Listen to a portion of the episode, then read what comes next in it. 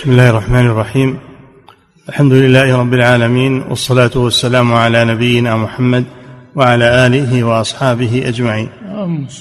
أما بعد قال المؤلف رحمه الله تعالى باب ما جاء في صوم شعبان والأشهر الحرم.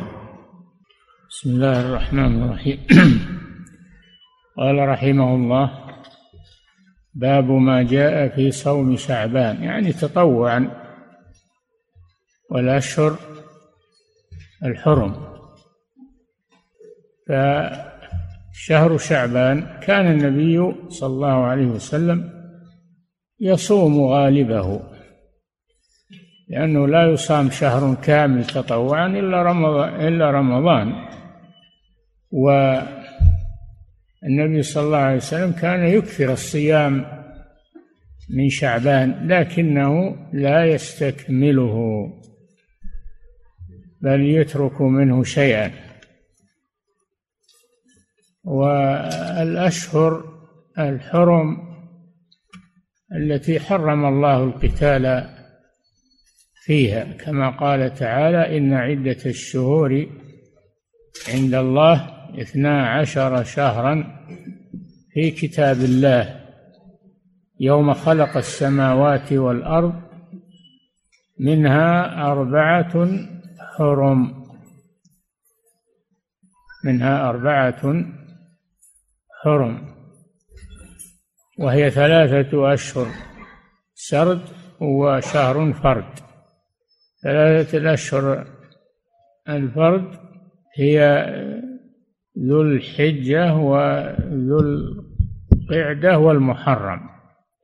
ذو الحجة ذو القعدة والمحرم. هذه ثلاثة.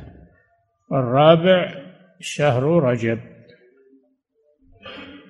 ثلاثة سرد وواحد فرد. وكانت هذه الأشهر الحرم يحرم فيها القتال في الجاهلية. فلما جاء الإسلام نسخ ذلك. وصار القتال مشروعا قتال المشركين مشروعا في كل الأشهر. وأما قوله تعالى فإن انسلخ الأشهر الحرم فاقتلوا المشركين. المراد بالأشهر الحرم هي الأشهر التي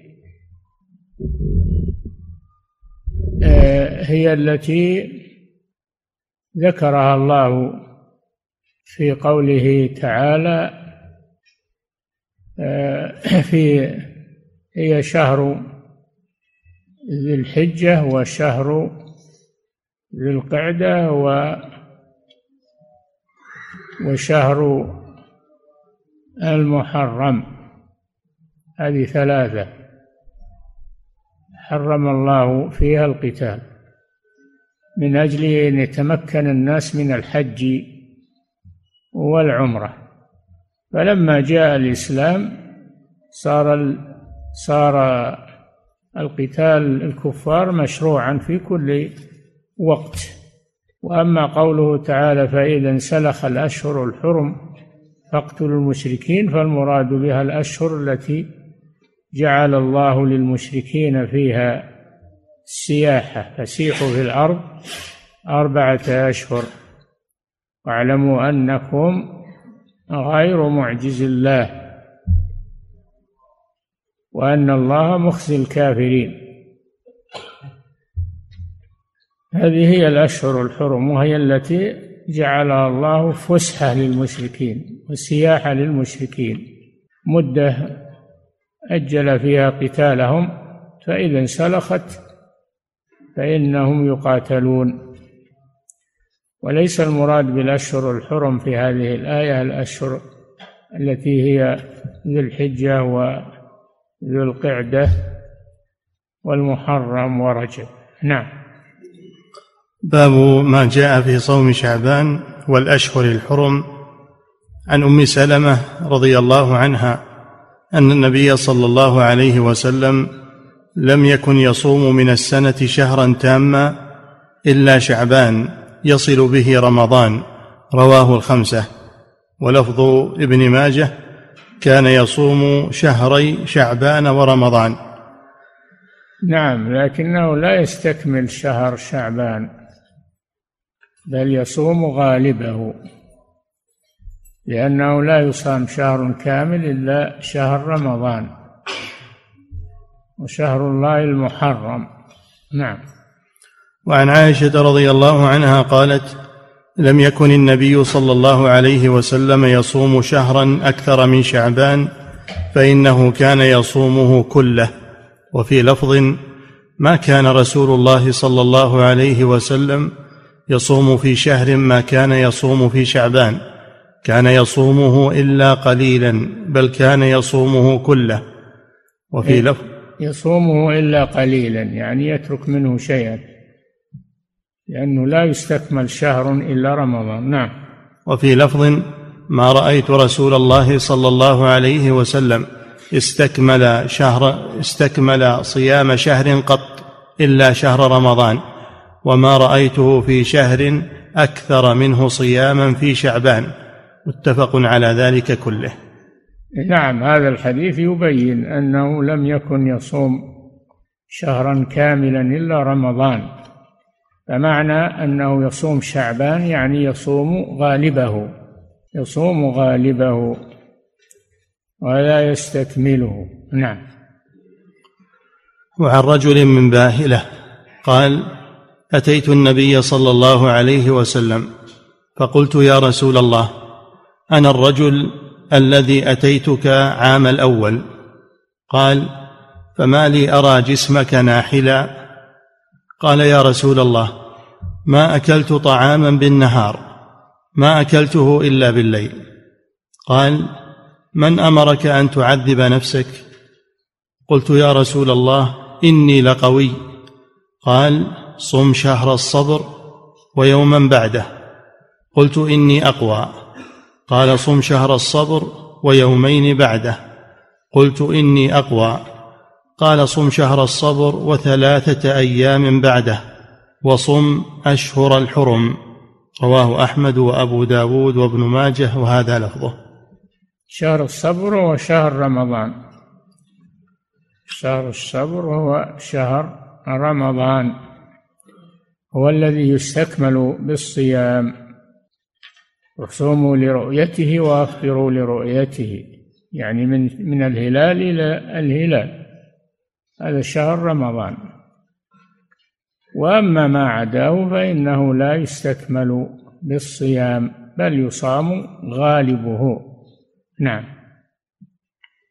باب الحث على صوم الاثنين والخميس. من كل أسبوع من من الأيام التي يستحب صيامها من كل أسبوع الاثنين والخميس. نعم. عن عائشة رضي الله عنها أن النبي صلى الله عليه وسلم كان يتحرى صيام الاثنين والخميس. رواه الخمسة إلا أبا داود لكنه له من رواية أسامة بن زيد. نعم. وعن أبي هريرة رضي الله عنه أن النبي صلى الله عليه وسلم قال تعرض الأعمال كل اثنين وخميس فأحب أن يعرض عملي وأنا صائم. رواه أحمد والترمذي ولابن ماجه معناه ولأحمد والنسائي هذا المعنى من حديث أسامة بن زيد.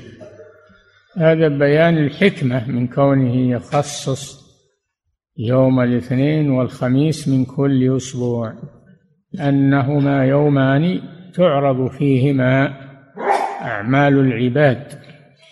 التي كتبتها الحفظة في صحائفها على بني آدم. تعرض على الله فيثبت ما يشاء ويمحو ما يشاء يمحو الله ما يشاء ويثبت. وعنده أم الكتاب. كان النبي صلى الله عليه وسلم يصوم هذين اليومين اللذين تعرض فيهما أعمال العباد على الله سبحانه وتعالى. نعم.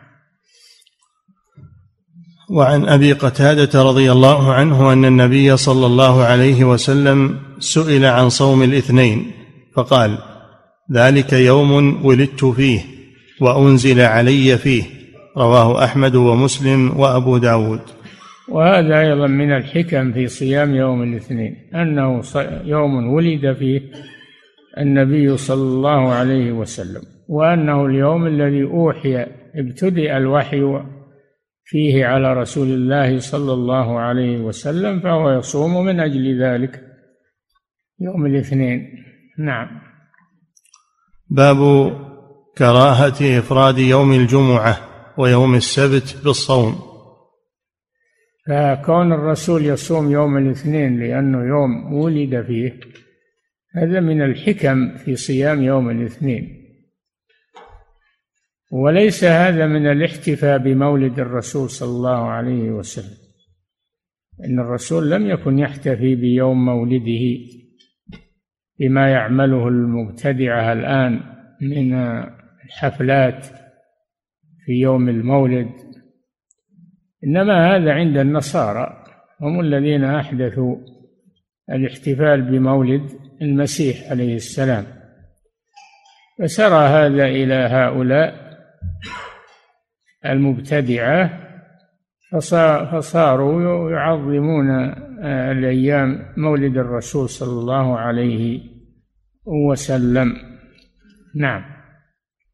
باب كراهة إفراد يوم الجمعة ويوم السبت بالصوم. نعم من الأيام التي يكره صومها إفراد يوم الجمعة. إفراد يوم الجمعة. لأنه يوم عيد الأسبوع والناس بحاجة إلى الفطر من أجل صلاة الجمعة والإتيان إليها. فيكره إفراده. أما أنه يصوم يوم الجمعة تبعا لغيره يدخل في صيامه فهذا لا بأس به إنما المكروه إفراده يوم الجمعة. ويوم السبت لأن يوم السبت لليهود. فنحن لا نعظم اليوم الذي يعظمونه إنما جعل السبت على الذين اختلفوا فيه. والأصل في يوم السبت سمي كذا لأنه اليوم الذي حرم الله فيه على اليهود صيد السمك. لما حرم عليهم صيد السمك في يوم السبت احتالوا وحفروا الحفر. وضعوا عليها الشباك فجعل فجعل الحيتان تكثر يوم السبت ابتلاء من الله وامتحان. وتدخل في هذه الحفر فتمسكها الشباك فإذا كان يوم الأحد أخذوها وقالوا نحن ما صدنا في يوم السبت لكن لما احتالوا ووضعوا الشباك عليها صاروا قد صادوها. فلا يجوز الاحتيال على ما ما حرم الله سبحانه وتعالى. لا يجوز هذا. ومن الابتلاء لهم والامتحان أن السمك يكثر في يوم السبت الذي حرم الله عليهم الصيد فيه مما يغريهم بصيده. لم يباشروا صيده ولكنهم احتالوا ووضعوا الحفر. فصادوه يوم الأحد أخذوه يوم الأحد. فلما حصل منهم ذلك قلبهم الله قردة وخنازير.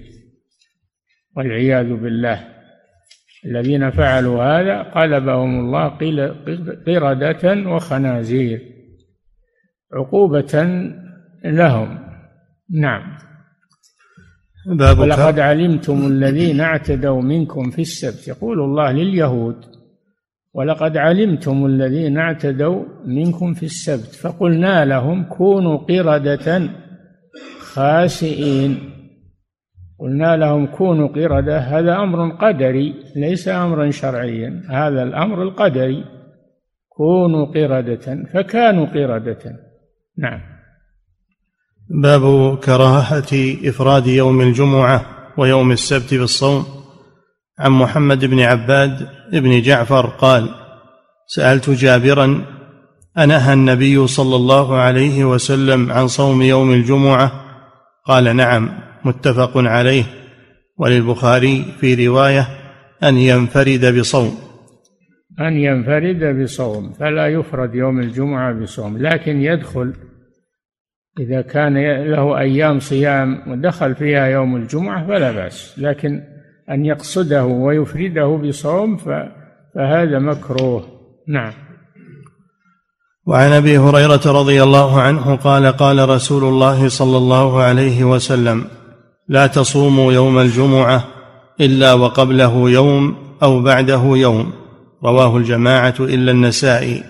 يعني لا يفرد وإنما يجعل قبله يوم أو بعده يوم حتى يدخل تبعا.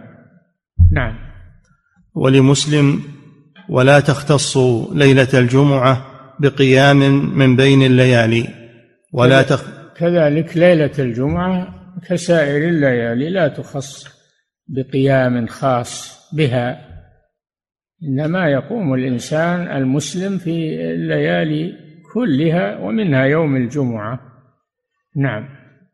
ولمسلم ولا تختصوا ليلة الجمعة بقيام من بين الليالي ولا تختصوا يوم الجمعة بصيام من بين الأيام إلا أن يكون في صوم يصومه أحدكم.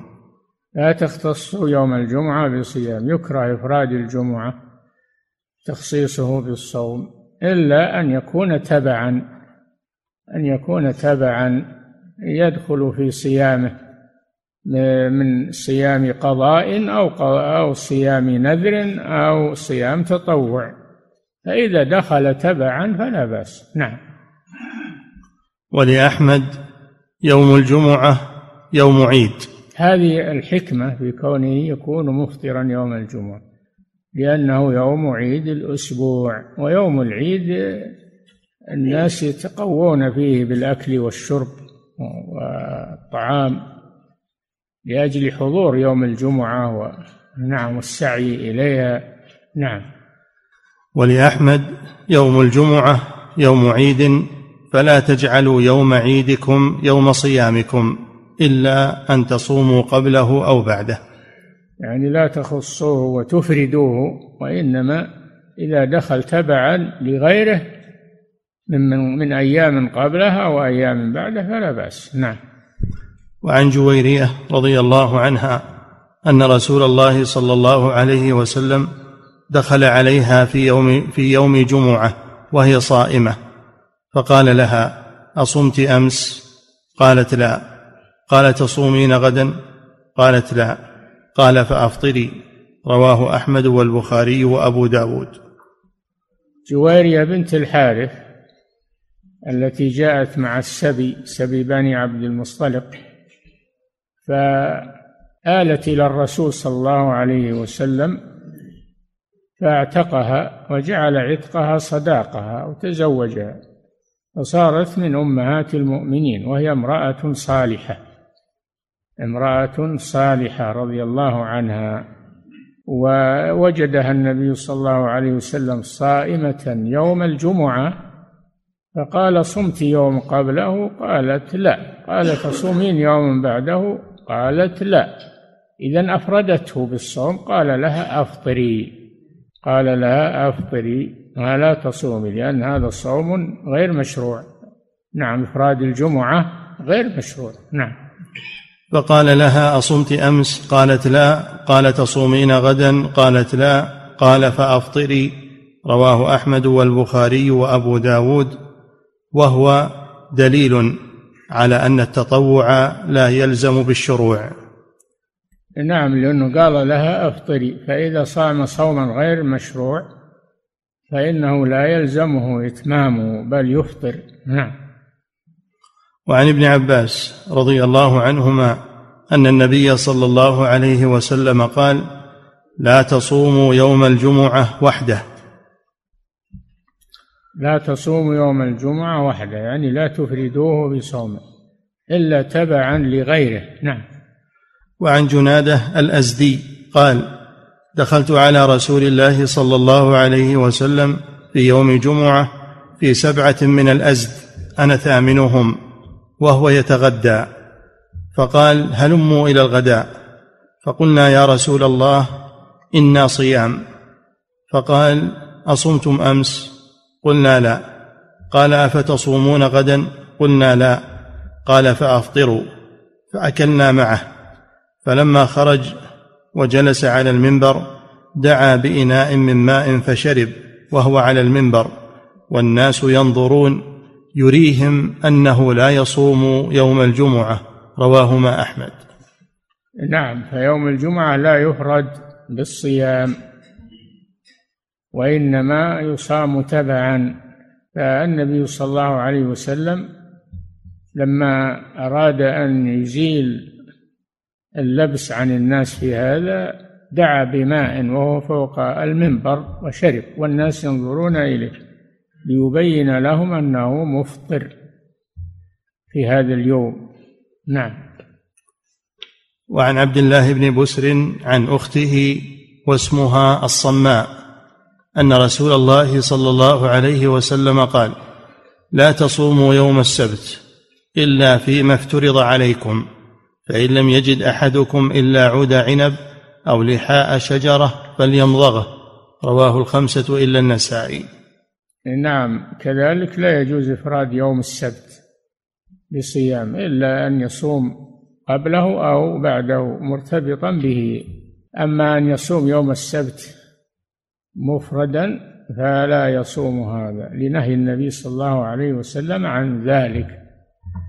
نعم.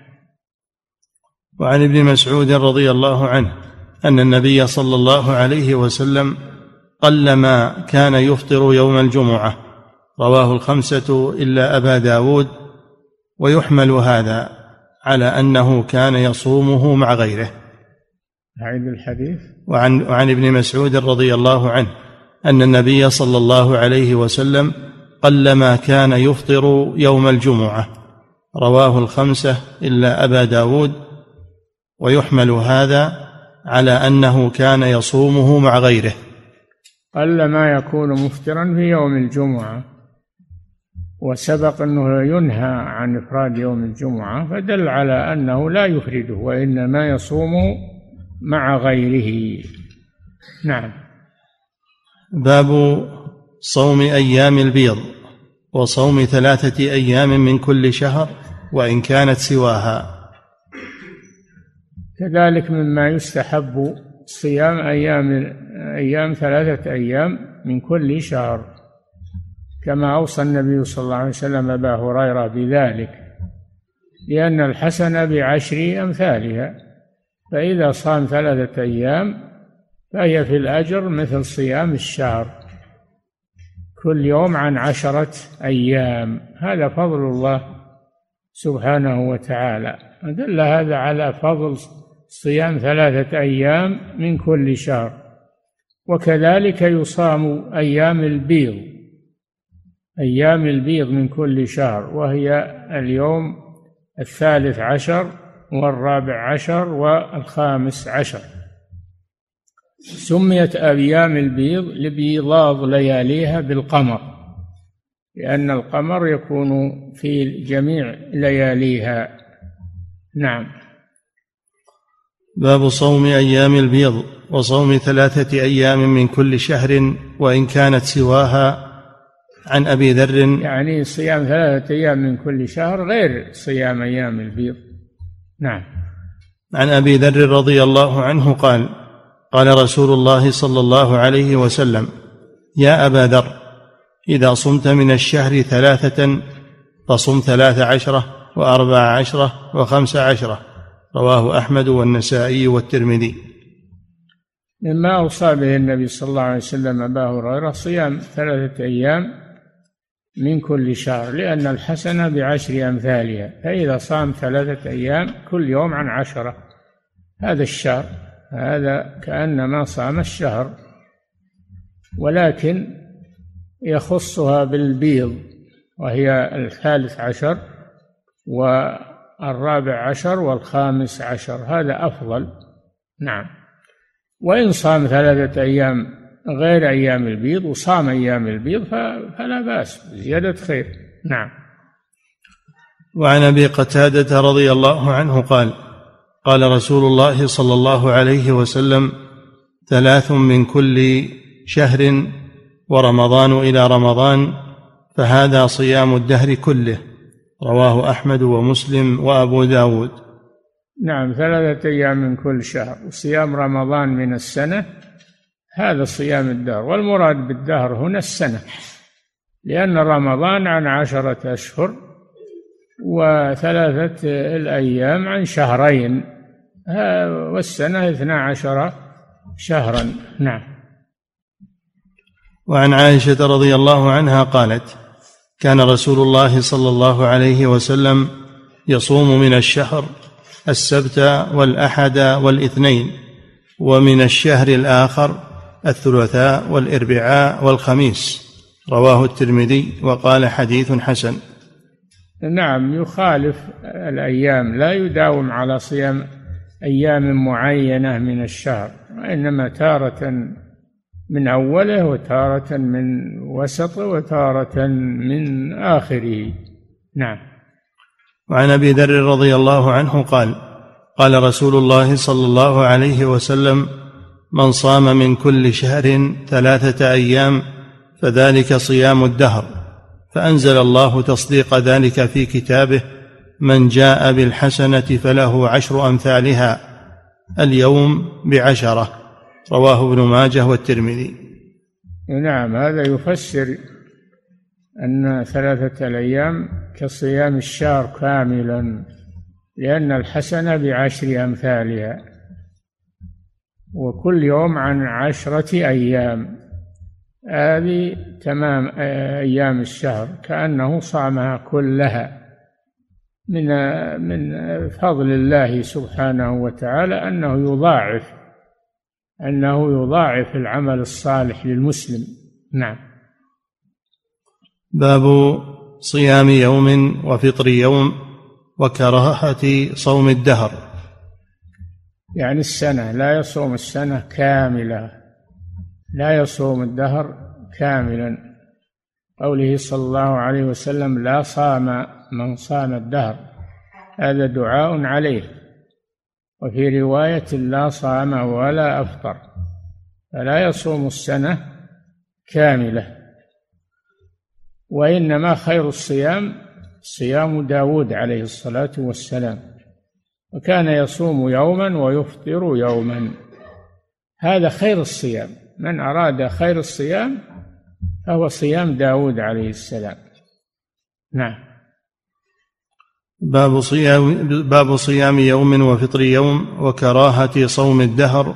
عن عبد الله بن عمرو رضي الله عنهما أن رسول الله صلى الله عليه وسلم قال صم في كل شهر ثلاثة أيام. قلت إني أقوى من ذلك. فلم يزل يرفعني حتى قال صم يوما وأفطر يوما فإنه أفضل الصيام. وهو صوم أخي داود عليه السلام. نعم هذا أفضل الصيام. صيام يوم وإفطار يوم من السنة. يداوم عليه كأنما صام السنة كلها. يوم يتقوى فيه ويوم يصوم. نعم أما أنه يسرد الصيام طول السنة فهذا غير مشروع. نعم. وعن عبد الله بن عمرو قال قال رسول الله صلى الله عليه وسلم لا صام من صام الأبد. متفق عليهما.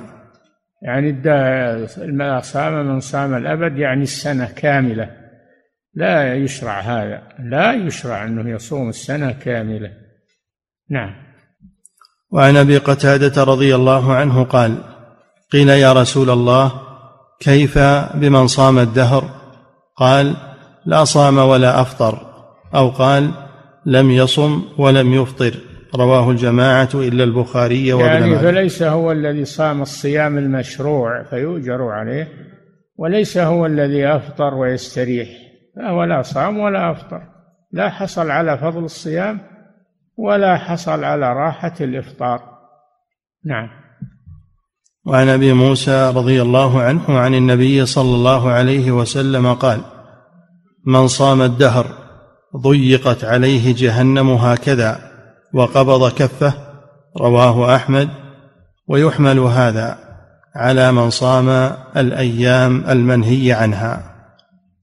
يحمل هذا على من صام الأيام المنهي عنها. نعم إفراد رجب وإفراد الجمعة والسبت هذا من صامها فإنه متهدد بعذاب جهنم تضيق عليه جهنم. نعم. باب تطوع المسافر والغازي بالصوم. نعم المسافر يتطوع بالصوم. المسافر يفطر في الصوم الواجب صوم رمضان أفضل من الصوم. إفطار الصائم في رمضان إفطار المسافر في رمضان أفضل من الصوم لأنه أخذ برخصة الله عز وجل للمسافر أن يفطر في رمضان. والله يحب أن تؤتى رخصه كما يكره أن تؤتى معصيته. فكون الإنسان يفطر في السفر أفضل له. وإذا صام أجزأه صيامه. أجزأه صيامه. هذا في الواجب. وكذلك المستحب. إذا صام فإنه يصح صيامه ويؤجر عليه. لكن الأولى أن يفطر ليتقوى على السفر ولا يشق على نفسه. نعم. باب تطوع المسافر والغازي بالصوم. مسافر يعني لغرض من الأغراض والغازي في سبيل الله وهو المجاهد. نعم. عن ابن عباس رضي الله عنهما قال كان رسول الله صلى الله عليه وسلم لا يفطر أيام البيض في حضر ولا سفر رواه النسائي. أيام البيض عرفناها اليوم الثالث عشر والرابع عشر والخامس عشر من كل شهر. نعم. كان رسول الله صلى الله عليه وسلم لا يفطر أيام البيض في حضر ولا سفر رواه النسائي. وعن أبي سعيد رضي الله عنه قال قال رسول الله صلى الله عليه وسلم من صام يوما في سبيل الله. بعد الله وجهه عن النار سبعين خريفا. رواه الجماعة إلا أبا داود. هذا صيام الغازي. من صام يوما في سبيل الله يعني وهو غاز في سبيل الله بعده الله من النار. هذا فيه فضل الصيام في الغزو. نعم. باب في أن صوم التطوع لا يلزم بالشروع.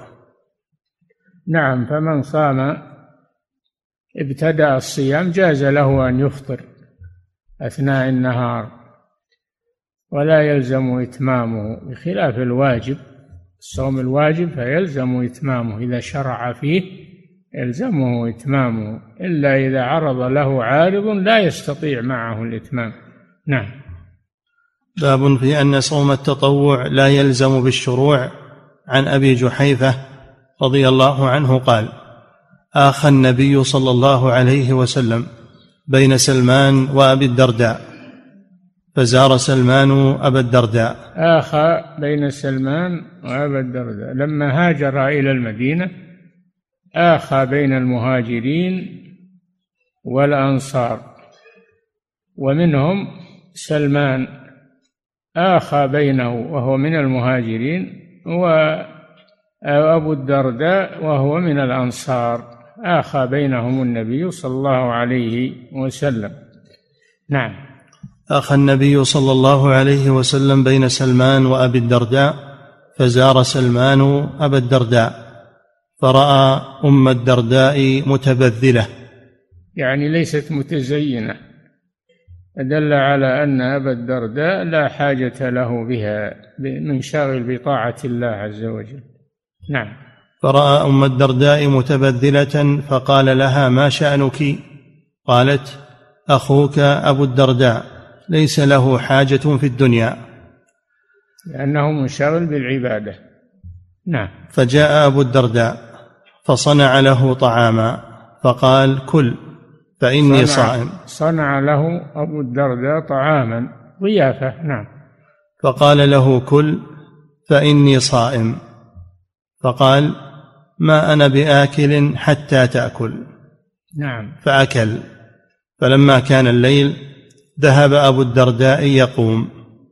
نعم. قال فأبو سلمان رضي الله عنه أراد أن يخفف أن يخ... يعني يخفف عن أخيه عناء العبادة والتعب ومنها الصيام.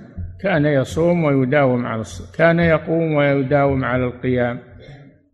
نعم. فلما كان الليل ذهب أبو الدرداء يقوم قال نم فنام. ثم ذهب يقوم فقال نم. فلما كان من آخر الليل قال سلمان قم الآن. فصليا. فقال له سلمان إن لربك عليك حقا. نعم شوف قيام الليل كان أبو الدرداء يقوم الليل. فلما زاره أخوه سلمان رآه يريد القيام قال له نم. ثم قام مرة ثانية فقال له نم. ثم قام المرة الثالثة حين بقي آخر الليل فقال له الآن فقم. نعم. فصليا فقال له سلمان إن لربك عليك حقا. ولنفسك عليك حقا ولأهلك عليك حقا فأعط كل ذي حق حقه. نعم هذا فيه أن الإنسان يعادل بين الحقوق الواجبة عليه فلا يذهب مع حق ويترك الحقوق الأخرى. إن لربك عليك حقا وهو العبادة. ولنفسك. ولنفسك عليه عليه عليك حقا وهي الراحة أن تريحها ولا تشق عليها. نعم. ولأهلك عليك حقا.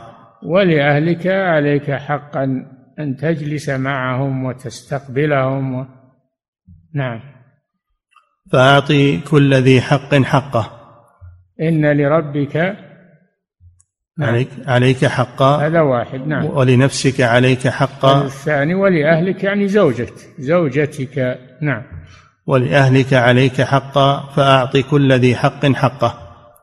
إي نعم ولا تذهب مع حق واحد وتترك بقية الحقوق. لربك عليك حق ولنفسك عليك حق ولأهلك وهي الزوجة عليك حق. فلا تنشغل عن الحقوق بحق واحد. هذا يعتبر من الإجحاف في أداء الحقوق. نعم. فأعط كل ذي حق حقه فأتى النبي صلى الله عليه وسلم فذكر فذكر له ذلك. فقال النبي صلى الله عليه وسلم صدق سلمان. رواه البخاري والترمذي وصححه. نعم. سلمان من المهاجرين وأبو الدرداء من الأنصار وآخى بينهما النبي صلى الله عليه وسلم فسلمان علم أبا الدرداء علمه ما ينبغي في العبادات التطوعية. نعم. وعن أم هانئ رضي الله عنها أن رسول الله صلى الله عليه وسلم دخل عليها فدعا بشراب فشرب وعن وعن؟ أم هانئ رضي الله عنها نعم. أن رسول الله صلى الله عليه وسلم دخل عليها فدعا بشراب. أم هاني أم هاني بنت أبي طالب أخت علي بن أبي طالب بنت عم الرسول صلى الله عليه وسلم. وعن أم هاني وعن أم هاني رضي الله عنها أن رسول الله صلى الله عليه وسلم دخل عليها فدعا بشراب فشرب ثم ناولها. فشربت. فقالت يا رسول الله أما إني كنت صائمة؟ فقال رسول الله صلى الله عليه وسلم الصائم المتطوع أمير نفسه إن شاء صام وإن شاء أفطر. رواه أحمد والترمذي. نعم فالصائم التطوع لا يلزمه الإتمام يجوز أن يفطر في النهار ويقطع الصوم. نعم إنما الصائم واجبا صوم الواجب لا يجوز قطعه إلا لعذر شرعي. وأما صوم التطوع فهو بالخيار إن شاء أكمله وإن شاء أفطر أثناء النهار. نعم. الصائم المتطوع أمير نفسه إن شاء صام وإن شاء أفطر رواه أحمد والترمذي. وفي رواية أن رسول الله صلى الله عليه وسلم شرب شرابا فناولها لتشرب. فقالت إني صائمة. يعني أم هاني. نعم. فقالت إني صائمة ولكني كرهت أن أرد سؤرك. فقال سؤرك يعني بقية شرابك الذي شربت منه. نعم. ولكني كرهت أن أرد سؤرك. فقال يعني إن كان قضاء من رمضان فاقضي يوما مكانه وإن كان تطوعا فإن شئت فاقضي وإن شئت فلا تقضي. رواه أحمد وأبو داود بمعناه. نعم فدل هذا على أن صوم الواجب يجب إتمامه ولا يجوز قطعه إلا لعذر شرعي غلب عليه. وأما صوم التطوع فالصائم التطوع أمير نفسه. إن شاء أكمل صوم اليوم وإن شاء أفطر. نعم. وعن عائشة رضي الله عنها قالت أهدي لحفصة طعام وكنا صائمتين. فأفطرنا. وعن؟ وعن عائشة رضي الله عنها قالت أهدي لحفصة طعام. حفصة بنت عمر زوج النبي صلى الله عليه وسلم أم المؤمنين. نعم. وعن عائشة قالت أهدي لحفصة طعام وكنا صائمتين فأفطرنا. ثم دخل علينا رسول الله صلى الله عليه وسلم فقلنا يا رسول الله إنا أهديت لنا هدية واشتهيناها فأفطرنا. فقال رسول الله صلى الله عليه وسلم لا عليكما صوما مكانه يوما آخر. رواه أبو داود. فاقرهما النبي صلى الله عليه وسلم على قطع صيام التطوع. والأكل مما وصل إليهما من الطعام.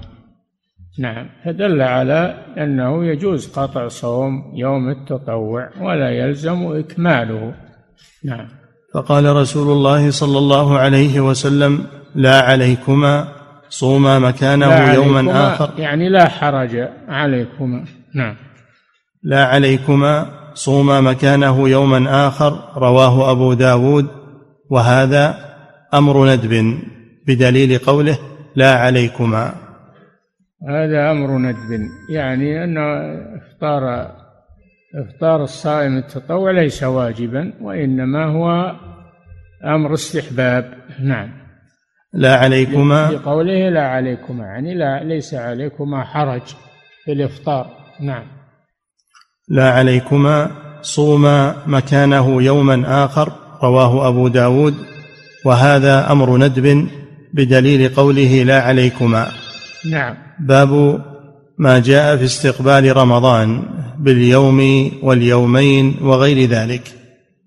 نعم لا يجوز استقبال رمضان بصوم يوم أو يومين لأن هذا لأن هذا إدخال زيادة على رمضان إدخال زيادة على رمضان. وهذا لا يجوز إنما يصام لرؤية الهلال ويفطر لرؤية الهلال نعم باب ما جاء في استقبال رمضان باليوم واليومين وغير ذلك عن أبي هريرة رضي الله عنه قال قال رسول الله صلى الله عليه وسلم لا يتقدمن أحدكم رمضان بصوم يوم أو يومين نعم. إلا أن يكون رجل كان يصوم صوما فليصمه. رواه الجماعة. إي نعم. أن يصوم يوم أو يومين قبل رمضان من باب الاحتياط هذا لا يجوز. وإنما إذا كان يصوم تطوعا فلا بأس لأنه لا يعتمد هذا من من رمضان. نعم. وعن معاوية رضي الله عنه قال كان رسول الله صلى الله عليه وسلم يقول على المنبر قبل شهر رمضان الصيام يوم كذا وكذا ونحن متقدمون فمن شاء فليتقدم ومن شاء فليتأخر رواه ابن ماجه ويحمل هذا على التقدم بأكثر من يومين ونحن متقدمون الصيام يوم كذا وكذا ونحن متقدمون نعم. فمن شاء فليتقدم ومن شاء فليتأخر. رواه ابن ماجه ويحمل هذا على التقدم بأكثر من يومين. نعم. هذا مشكلة. عندك الشرح؟ ليس معي اللي معه الشرح؟ نيل الأوطار. نعم. اللي معه الشرح نيل الأوطار. من هو معه؟ أحد معه نيل الأوطار؟ نعم اقرأ اقرأ العبارة هذه الله يعافيك.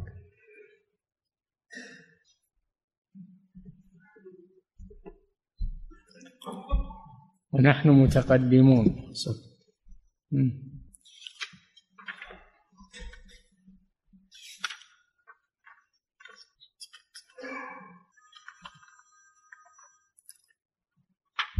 ما في شيء. قوله لا يتقدمن أحدكم. قال العلماء معنى الحديث لا تستقبلوا رمضان بصيام على نية الاحتياط لرمضان.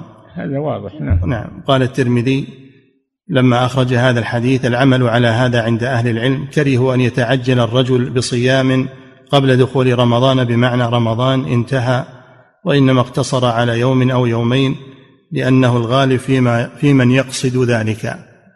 وقد قطع كثير من الشافعية بأن ابتداء المنع من أول السادس عشر من شعبان.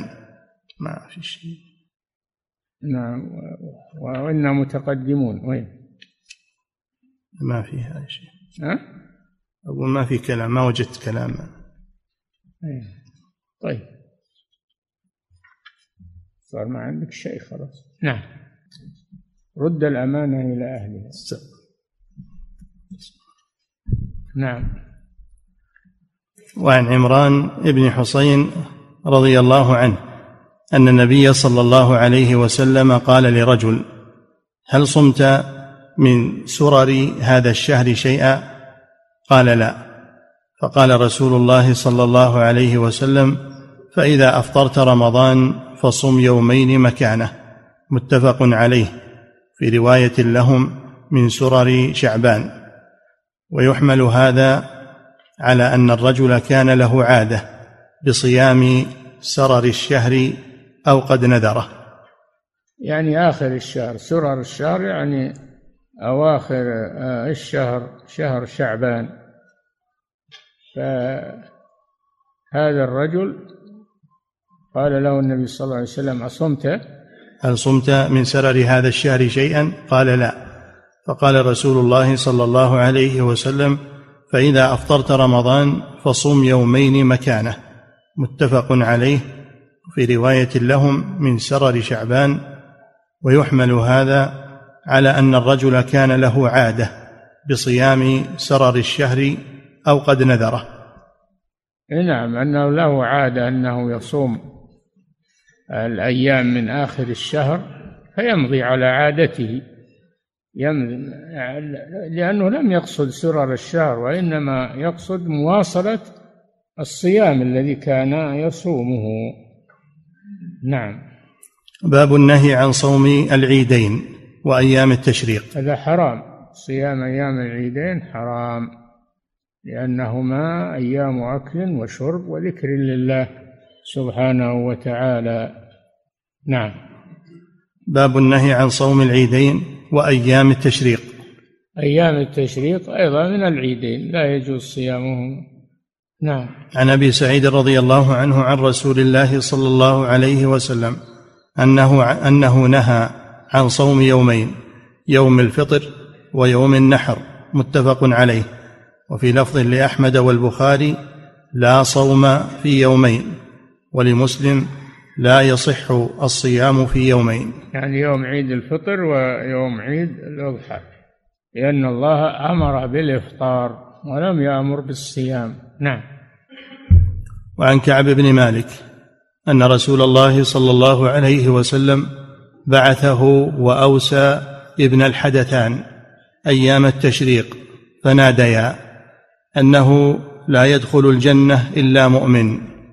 وأيام منى أيام أكل وشرب رواه أحمد ومسلم. لا يدخل الجنة إلا مؤمن. الكافر لا يدخل الجنة. إنه من يشرك بالله فقد حرم الله عليه الجنة ومأواه النار. وما للظالمين من أنصار. لا يدخل الجنة إلا مؤمن. نعم. و... وأيام منى أيام, وأيام منى اللي هي أيام التشريق اليوم اليوم الحادي عشر والثاني عشر والثالث عشر أيام أكل وشرب وذكر لله. لكنه رخص لمن لم يجد الهدي من لم يجد الهدي أن يصوم من أيام التشريق. نعم. وعن سعد بن أبي وقاص رضي الله عنه قال أمرني النبي صلى الله عليه وسلم أن أنادي أيام منى إنها أيام أكل وشرب لا صوم فيها يعني أيام التشريق رواه أحمد. نعم أيام التشريق أيام الحادي عشر والثاني عشر والثالث عشر هذه أيام التشريق وهي أيام منى. نعم. وعن أنس رضي الله عنه أن النبي صلى الله عليه وسلم نهى عن صوم خمسة أيام في السنة يوم الفطر ويوم النحر وثلاثة أيام التشريق. رواه الدار قطني. نعم التشريق سميت أيام التشريق لأنهم كانوا يشرقون اللحوم لحوم الهدي يشرقونها في الشمس لأجل أن تجف لأجل أن تجف. سميت أيام التشريق لهذا. نعم. وعن عائشة وهي الحادي عشر والثاني عشر والثالث عشر. نعم. وعن عائشة وابن عمر قال لم يرخص في أيام التشريق أن يصمن إلا لمن لم يجد الهدي. رواه البخاري. إلا لمن لم يجد هدي التمتع أو القران. القارن والمفرد يجب عليهم الهدي. لكن إذا لم يقدر عليه فإنهما يصومان ولو في أيام التشريق. فمن لم يجد فصيام ثلاثة أيام في الحج وسبعة إذا رجعتم تلك عشرة كاملة. هذا بدل الذبح في للهدي للمتمتع والقارن. نعم. لم يرخص في أيام التشريق أن يصمن إلا لمن لم يجد الهدي رواه البخاري وله عنهما أنهما قالا الصيام لمن تمتع بالعمرة إلى الحج إلى يوم عرفة فإن لم يجد هديا ولم يصم صام أيام منى. نعم إذا لم يجد هديا فإنه يصوم قبل يوم العيد يصوم من أول الشهر شهر ذي الحجة لكن إذا جاء يوم العيد وهو ما صام ولا يقدر على الهدي يصوم من أيام التشريق. نعم ثلاثة أيام. نعم. كتاب الاعتكاف. يكفي.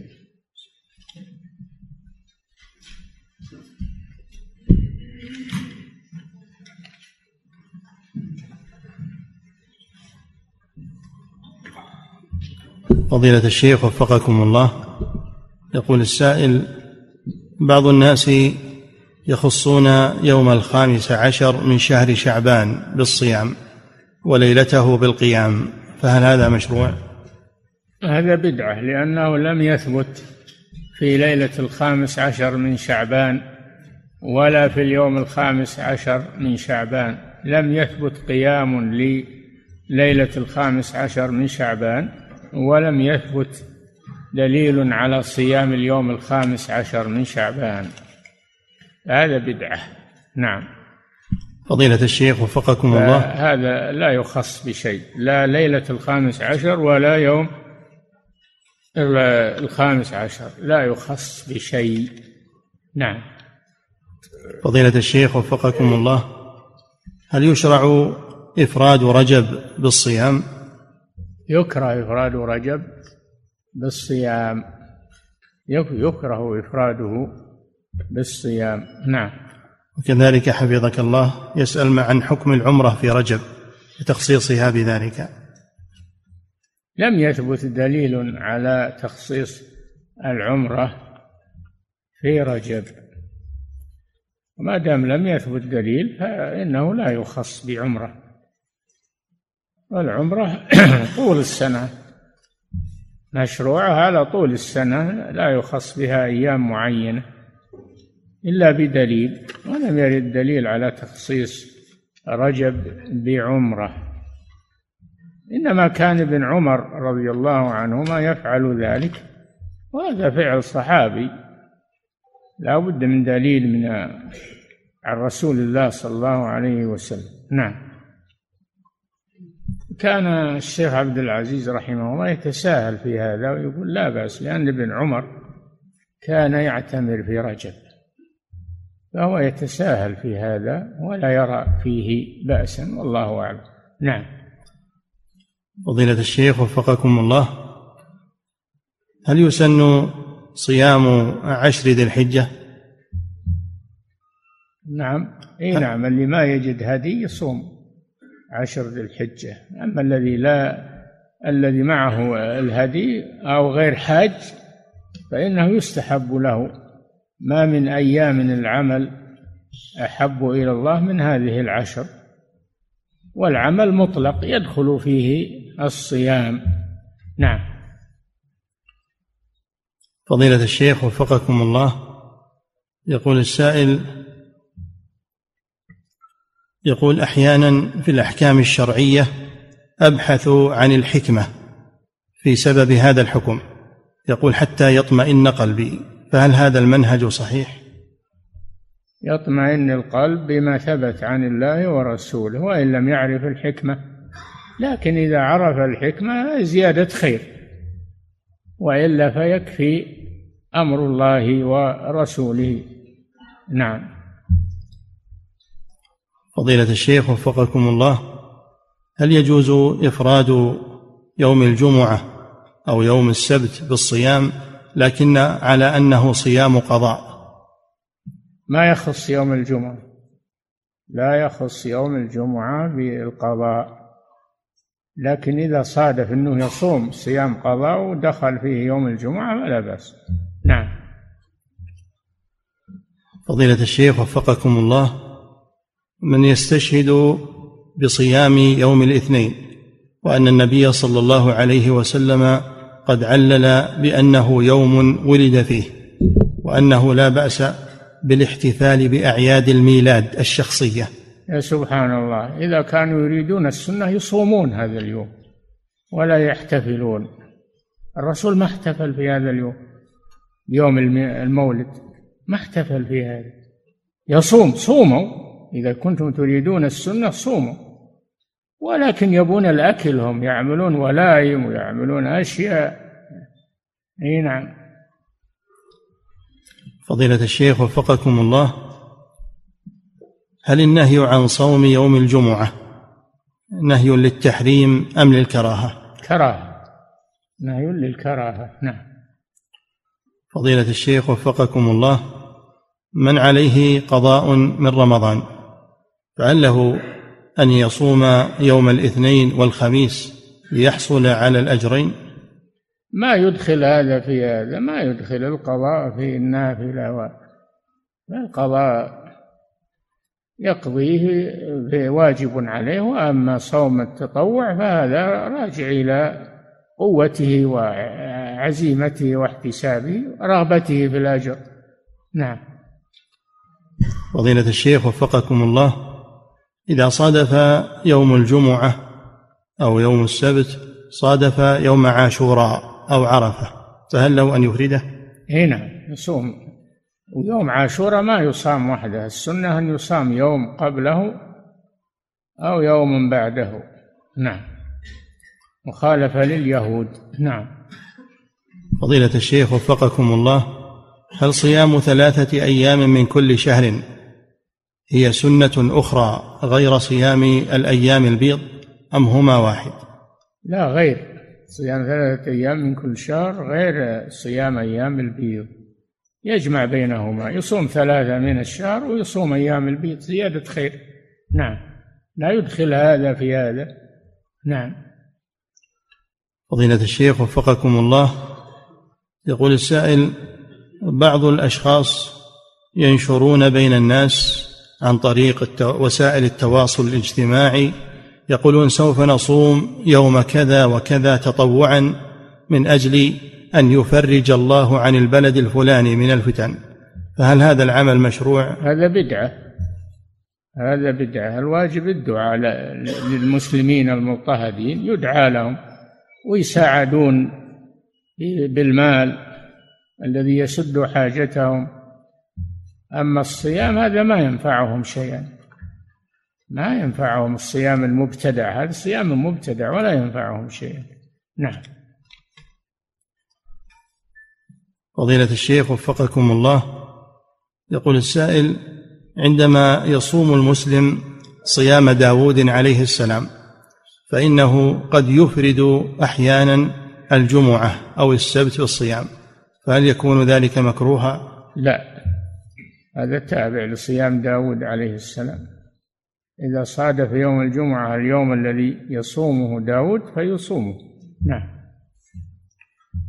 فضيلة الشيخ وفقكم الله يقول يحتج يحتج دعاة الاختلاط المحرم بحديث سلمان في رؤيته لأم الدرداء وهي متبذلة أنه رأى ثيابها كاشفة لها فكيف نجيب عن ذلك؟ كذب. ما هو رآها كاشفة.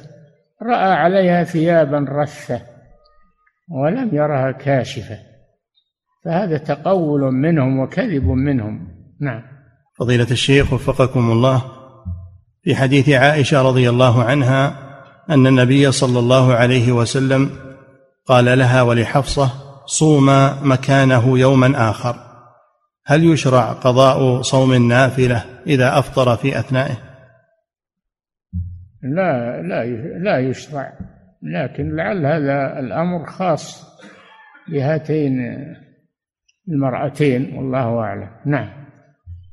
فضيلة الشيخ وفقكم الله. إذا كان السفر لا مشقة فيه فهل الأفضل أن يصوم أو يفطر بالنسبة لرمضان؟ الأفضل أن أن يفطر أخذا بالرخصة. الأفضل أن يفطر أخذا بالرخصة. وعند عند عند أهل الظاهر عند الظاهرية يجب عليها الإفطار في السفر. إن صام لم يجزئه. هذا عند الظاهرية. لكن الجمهور يقولون الأفضل أنه يفطر وإن صام أجزأه ذلك. نعم. فضيلة الشيخ وفقكم الله يقول السائل هل يجوز للمسلم أن يقطع عمرته النافلة والتي هي تطوع وذلك بناء على القاعدة أن التطوع لا يلزم بالشروع؟ إذا أحرم بالحج أو العمرة فإنه يلزمه الإتمام وأتم الحج أتم الحج والعمرة لله فمن أحرم يجب عليه المضي في نسكه تطوعا كان أو فريضة. نعم. فضيلة الشيخ وفقكم الله هذا سائل يقول إمام لا يحسن قراءة القرآن وخاصة أم الكتاب فهل الصلاة خلفه صحيحة؟ وكيف يجعل إمام وهو ما يحسن قراءة الفاتحة؟ ما يكون هذا. ما يصير إمام ولا يصح تنصيبه إماما وهو لا يحسن قراءة الفاتحة. نعم فيجب مراجعة الجهة المختصة بالمساجد أن تولي الإمامة غيره. نعم. فضيلة الشيخ وفقكم الله رجل اعتاد أن يسلم من الصلاة تسليمة واحدة فهل فعله هذا صحيح؟ هذا خلاف السنة المشهورة والمعمول بها فلا يشوش على الناس. هذا لا يشوش على الناس بإظهار الأقوال التي تشوش عليهم. الناس ما هم على باطل إذا سلموا تسليمتين فهم على سنة. لا يجوز مخالفتهم في ذلك. نعم. فضيلة الشيخ وفقكم الله هذا سائل يقول عندي أخ من الأب.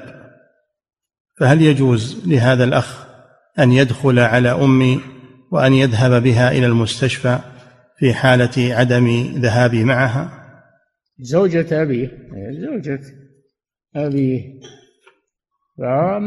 حرم ولا تنكحوا ما نكح آباؤكم من النساء. محرمة على إذا عقد الأب على زو على امرأة حرمت على أولاده. نعم بالعقد مجرد العقد ولو لم يدخل بها. نعم. وفقك الله بالنسبة لحديث.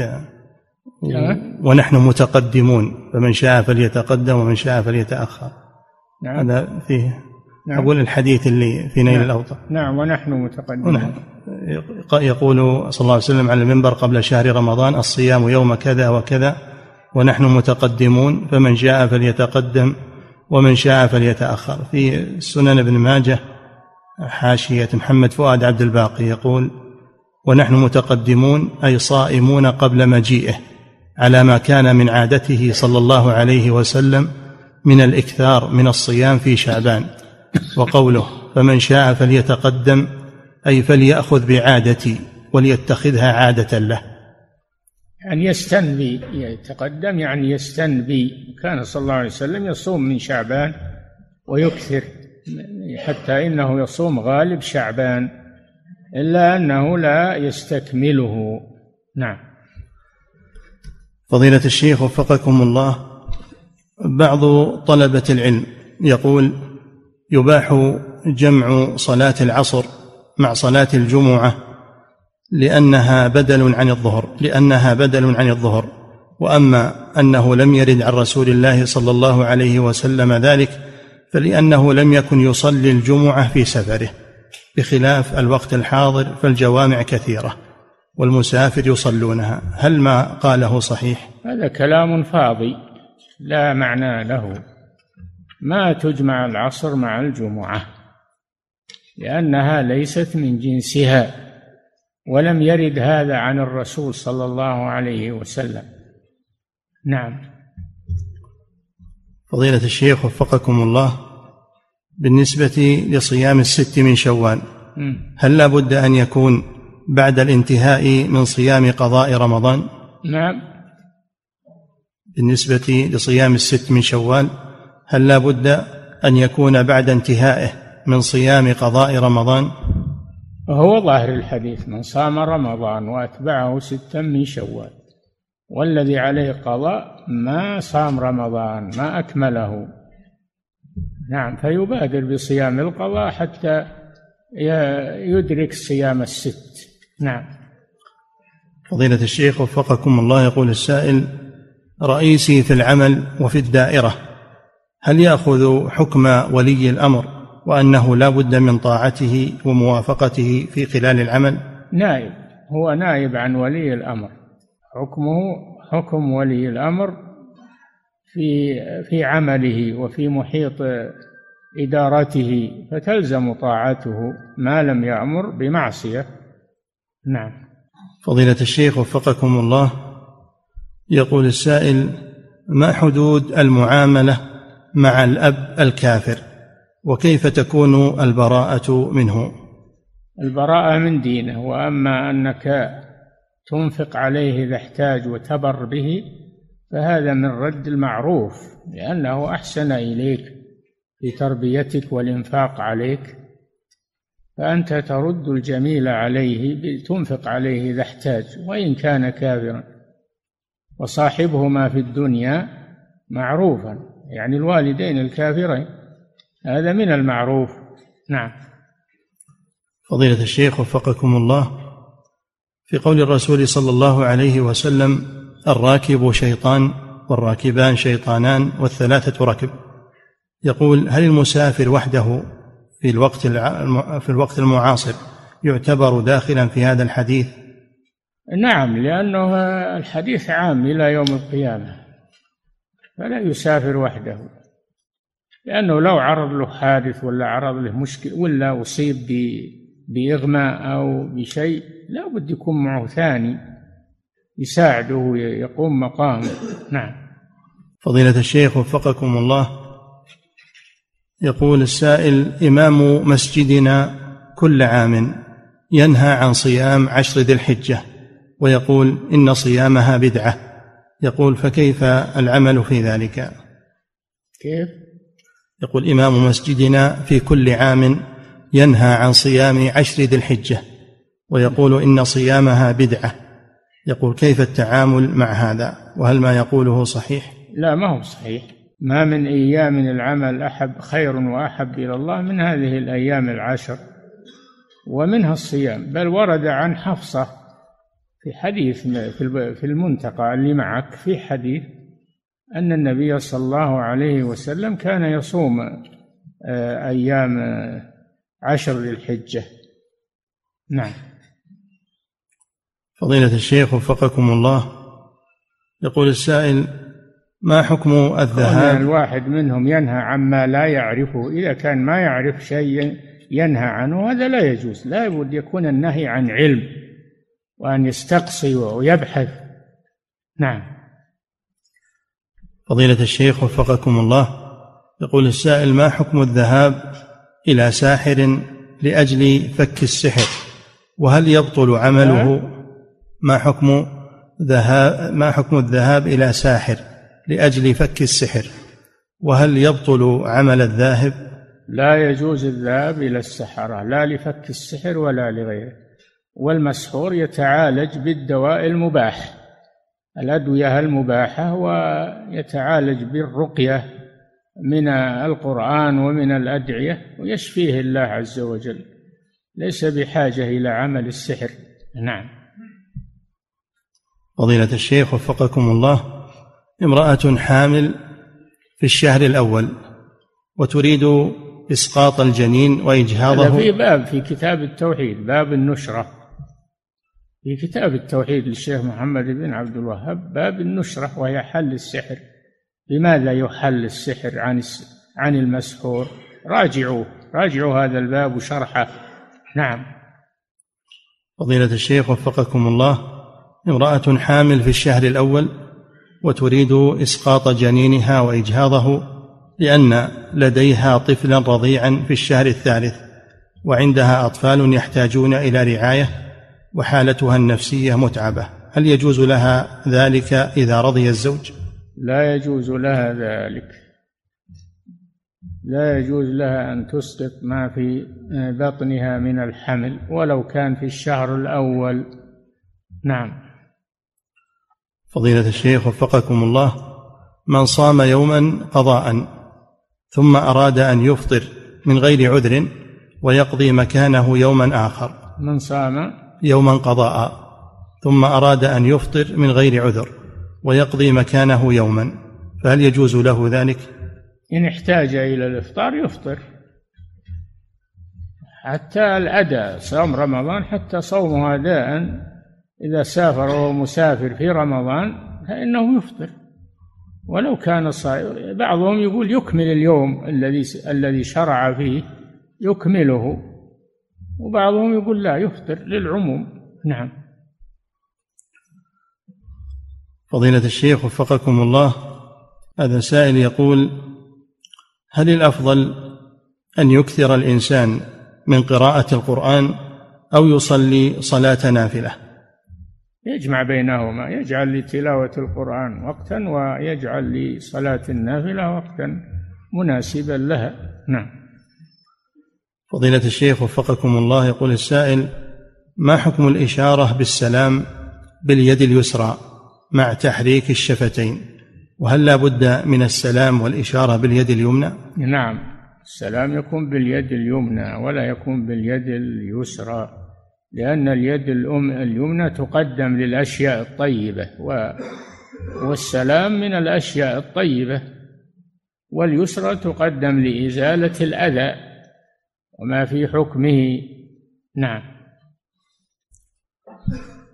فضيلة الشيخ وفقكم الله امرأة صامت يوما من رمضان وقبيل الغروب بدقائق نزل معها الحيض فهل تكون مفطرة بذلك؟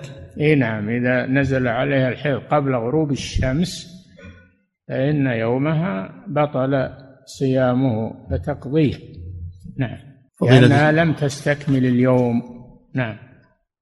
فضيلة الشيخ وفقكم الله. يقول السائل إذا يقول كنت أصلي فسقط شيء مني في الأرض فنزلت وأخذته ثم رجعت إلى القيام. فهل صلاتي صحيحة أم أنها بطلت بالنزول؟ إذا كان هذا الذي سقط منك عليه خوف أنه يضيع أو يؤخذ فلا بأس. أما إذا كان ما عليه خوف فلا. لا تنزل وتاخذه وأنت تصلي. نعم. فضيلة الشيخ وفقكم الله يقول ما نصيحتكم لبعض طلبة العلم الذين يتكلمون في العلماء ويذكرون أخطاءهم ويصنفونهم؟ هؤلاء ليسوا طلبة علم هؤلاء طلبة فتنة.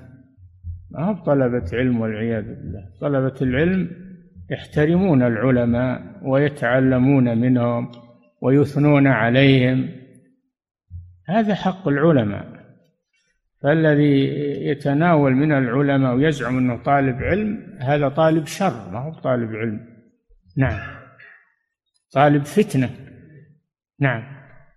فضيلة الشيخ وفقكم الله هذا سائل يقول هل يجوز للرجال سماع الدف واستعماله في الأعراس؟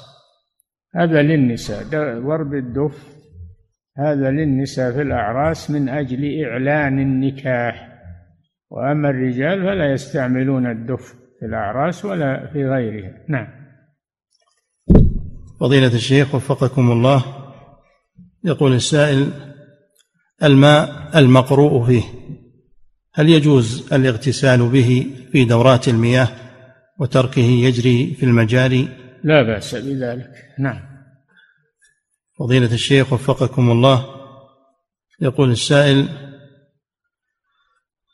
بالنسبة لمن يأتم بالمقيم إذا كان المأموم مسافرا فهل يلزمه الإتمام؟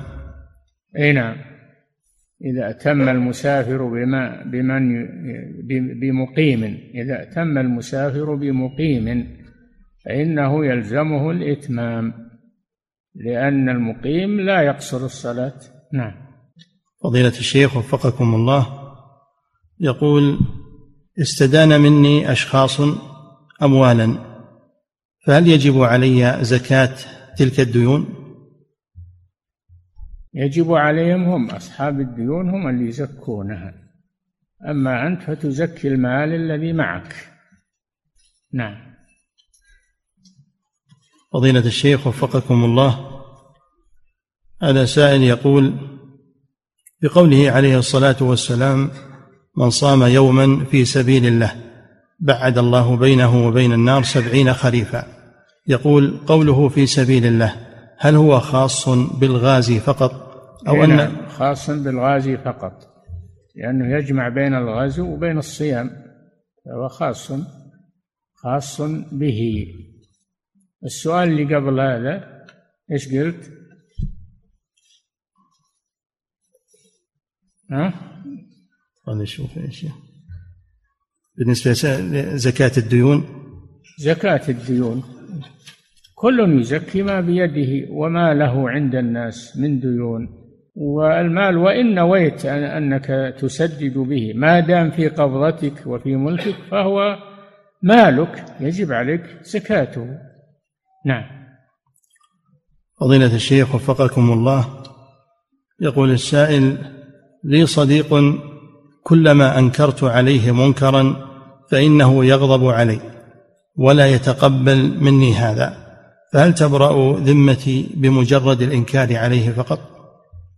ان كان لك سلطة عليه فلا يكفي مجرد الإنكار عليه بل لا بد من الأخذ على يده كولدك ومن لك سلطة عليه. أما من ليس لك عليه سلطة فيكفي الإنكار باللسان. إن قبل فالحمد لله وإلا برئت ذمتك. نعم. فضيلة الشيخ وفقكم الله يقول السائل هل الأمر بالمعروف والنهي عن المنكر